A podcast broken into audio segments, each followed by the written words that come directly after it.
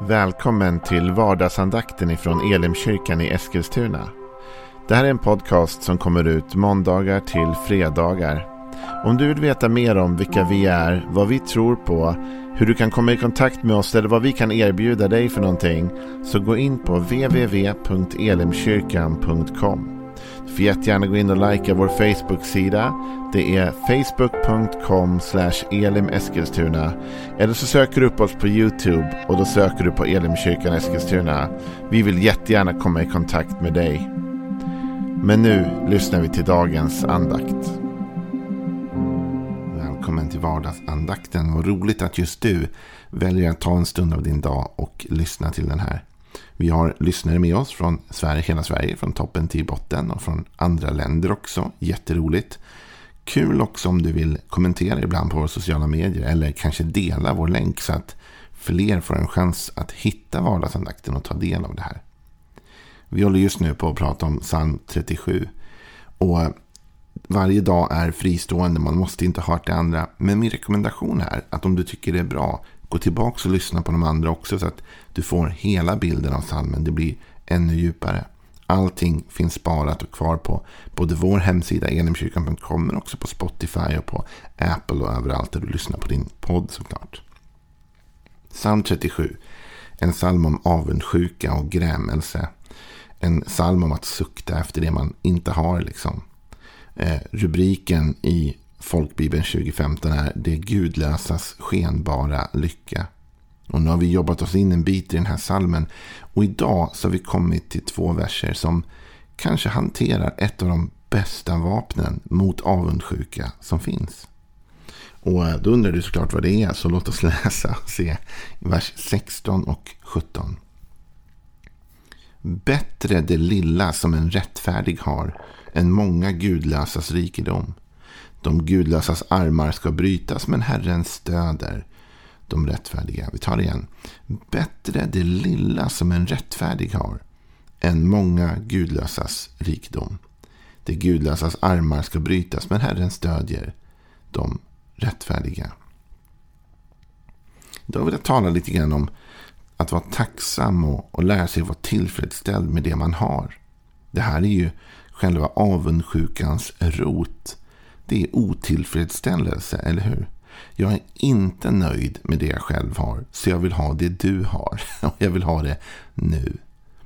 Det där är ett problem som kan avhjälpas om du och jag lär oss att se och vara tacksamma för det vi faktiskt har. Att leva förnöjda med det liv som vi har. Och nu innebär inte det att vi ska ta bort strävan eller drivkraft. Den som känner mig vet att jag alltid strävar framåt.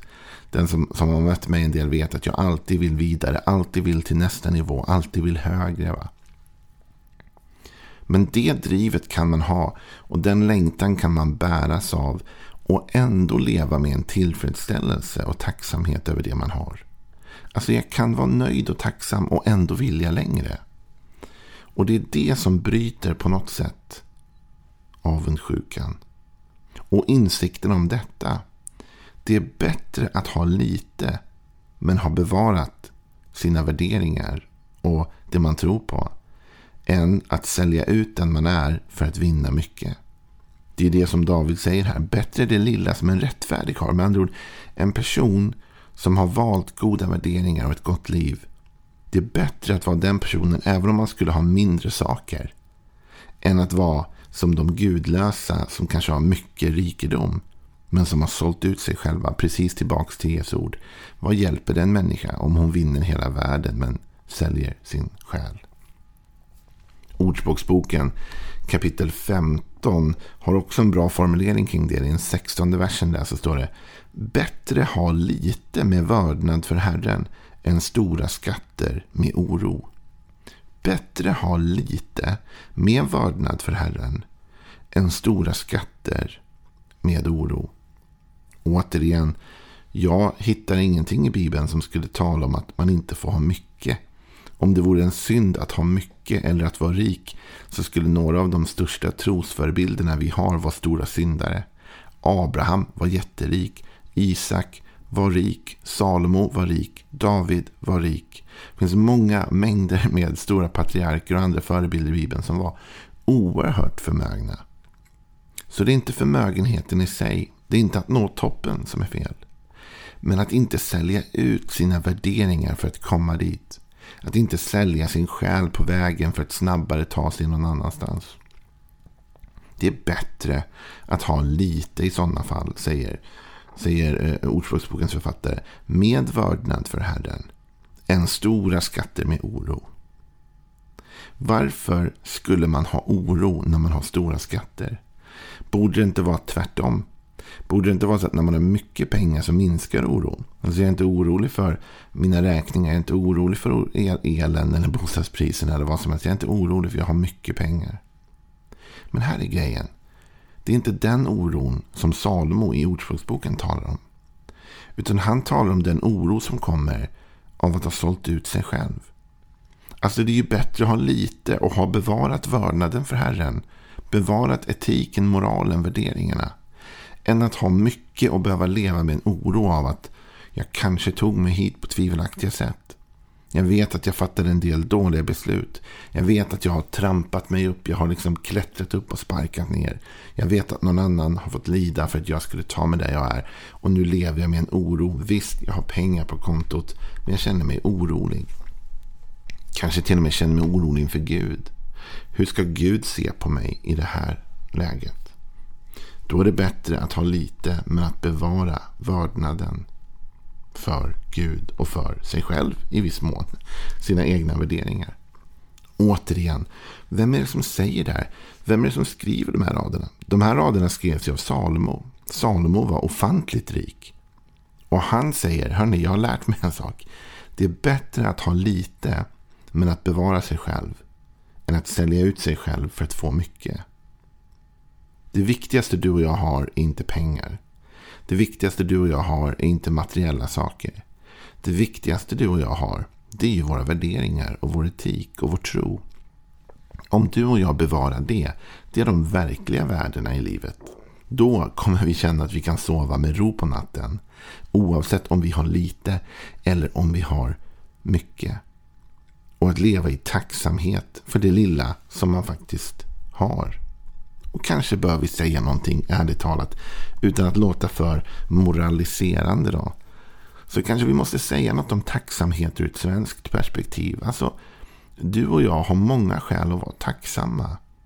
Ur ett globalt perspektiv så tillhör ju vi som bor i Sverige världens rikaste befolkning.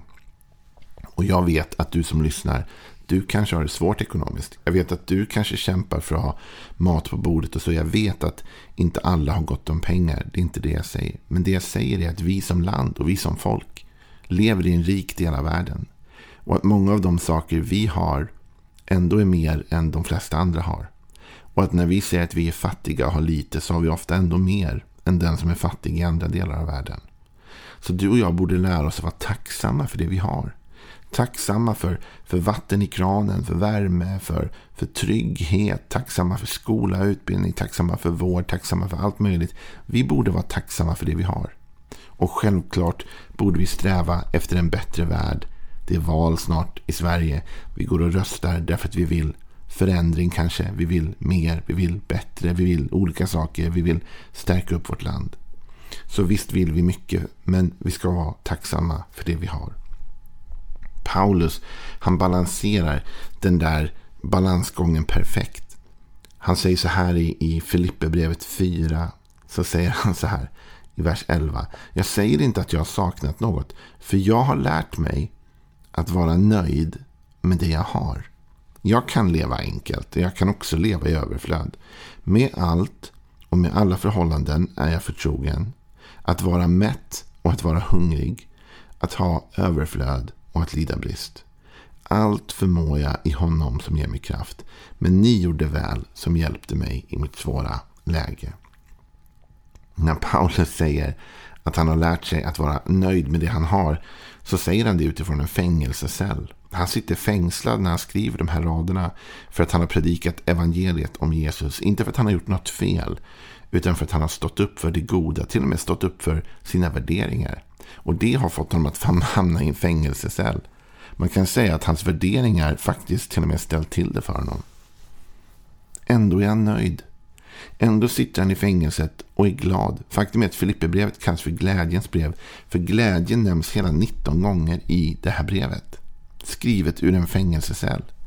Där han har hamnat på grund av att han har bevarat sina värderingar. Men han är nöjd och han är tacksam. Det är klart att han ville ut ur fängelset. Det fattar ju alla. Det är ingen tvekan om det. Han ville inte sitta där. Men han hade lärt sig att finna tacksamhet och förnöjsamhet där han var. Han sa, jag kan leva enkelt. Det är lugnt. Jag kan också leva i överflöd. Så där ser du att Paulus säger inte att det är fel att leva i överflöd. Han säger att han lever gärna i överflöd. Han lever säkert hellre i överflöd än i enkelhet. Men han lever främst i förnöjsamhet. Med andra ord, jag är nöjd med det jag har. Jag är tacksam för det jag har. Och när du och jag lär oss att bli tacksamma för det vi har. Då slutar vi vara avundsjuka. Då kan vi längta efter saker. Då kan jag se någonting du har. Och jag kan känna, oh det där skulle jag också vilja ha. Jag kan se din bil och tänka, ja men det där är en fin bil, en sån skulle jag gärna ha. Eller jag kan se eh, din klocka, efter mig hela klockan. Och säga, oh en sån där skulle jag vilja ha. Men ändå kanske jag känner, men jag är nöjd med det jag har. Tänk vad många klockor jag har ändå. Vad härligt. Och tänk att jag ändå har en bil. Jag är nöjd med den faktiskt. Den går bra. Men det är klart jag skulle vilja ha något nytt. Men, men vi tar udden av avundsjukan. För avundsjukan får oss att börja se ner på det vi har. Och vilja ha det någon annan har. Förnöjsamhet. Inse det bättre att ha lite. Men att ha ro i själen. Än att ha mycket. Och på vägen dit vara tvungen att sälja ut allt av det man är och det man tror för pengars skull. I första Timoteus sjätte kapitel och vers 6 säger Paulus också så här. Men Guds fruktan förenad med förnöjsamhet är verkligen en stor vinst. Vi har ju inte fört med oss något in i världen och inte heller kan vi ta med oss något härifrån. Har vi mat och kläder ska vi vara nöjda med det.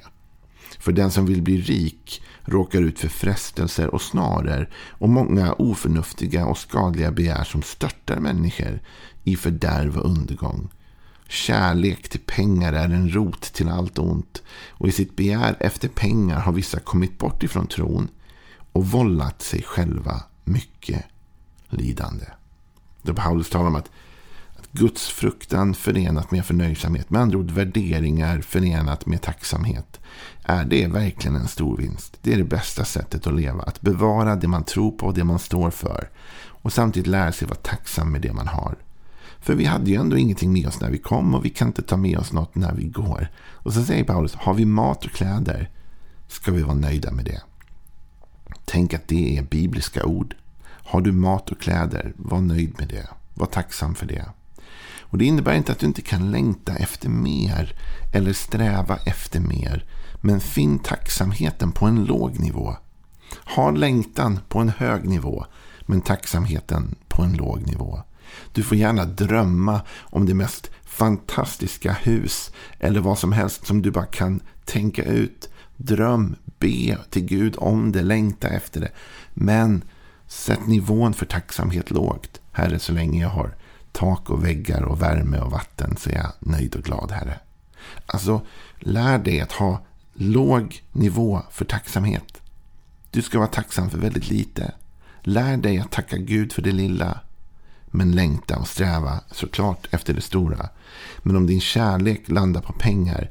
Det är en rot till allt ont. Kärleken till pengar. Och begäret efter pengar. Lyssna. I sitt begär efter pengar har vissa kommit bort ifrån tron och vållat sig själva mycket lidande. Vem har de vållat lidande? Sig själva. Därför att vi går tillbaka till det Ordspråksboken sa, eller hur? Bättre ha lite med vördnad för Herren än stora skatter med oro. Alltså, det är bättre att bevara sig själv att, och ha lite än att jaga efter det stora men sälja ut sig själv. Vers 17 i Ordspråksboken 15 säger bättre ett fat kol med kärlek än en gödd oxe med hat. Där har du det.